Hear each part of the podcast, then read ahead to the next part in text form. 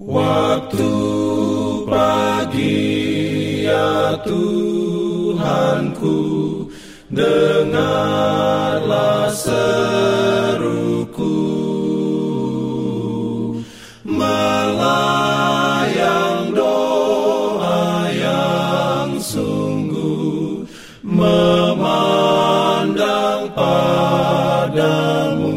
Selamat pagi pendengar Radio Advent Suara Pengharapan.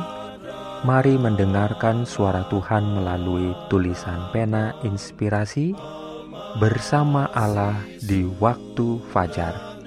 Renungan harian 9 Mei Dengan judul Kebaikannya menuntun kepada pertobatan. Ayat inti diambil dari Roma 2 ayat 4 Firman Tuhan berbunyi, Maukah engkau menganggap sepi kekayaan kemurahannya, kesabarannya, dan kelapangan hatinya? Tidakkah engkau tahu bahwa maksud kemurahan Allah ialah menuntun engkau kepada pertobatan?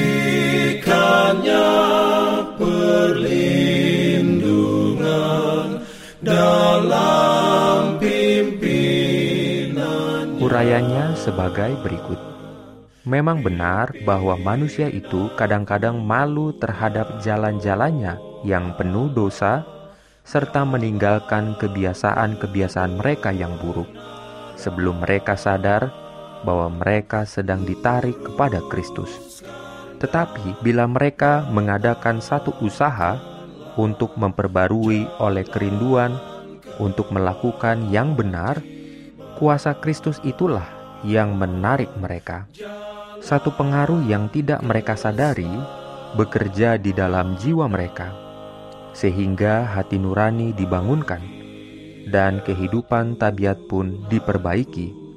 Manakala Kristus menarik mereka supaya menatap kepada salibnya, menatap Dia yang telah tertikam oleh karena dosa-dosa mereka, maka mulailah hukum Tuhan mendiami hati nurani. Jahatnya kehidupan mereka dalamnya dosa-dosa mereka berakar di dalam jiwa, diperlihatkan kepada mereka itu. Mereka mulai memahami sesuatu mengenai kebenaran Kristus, serta berseru, "Apakah dosa itu sehingga mengharuskan satu korban penebusan bagi orang-orang yang menjadi korbannya? Apakah semua kasih, segala derita, segala kehinaan ini dituntut supaya kami jangan binasa, melainkan beroleh hidup yang kekal. Orang berdosa mungkin menolak kasih ini, dapat menolak ditarik kepada Kristus. Namun, jika dia tidak menolaknya, maka dia akan ditarik kepada Kristus.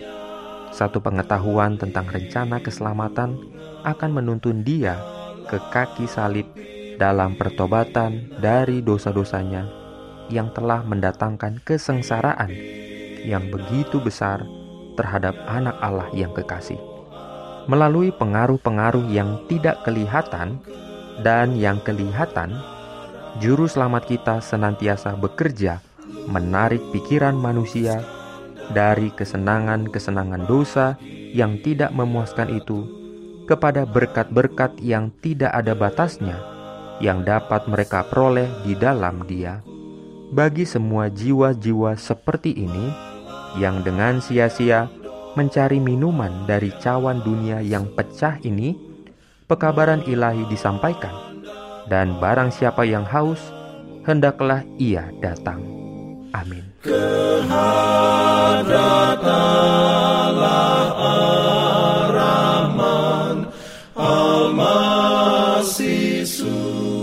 Pendengar yang dikasihi Tuhan, di tahun ke-35 pelayanan AWR Indonesia, kisah dan kesaksian pendengar terkait siaran dan pelayanan audio kami terus-menerus dikompilasi.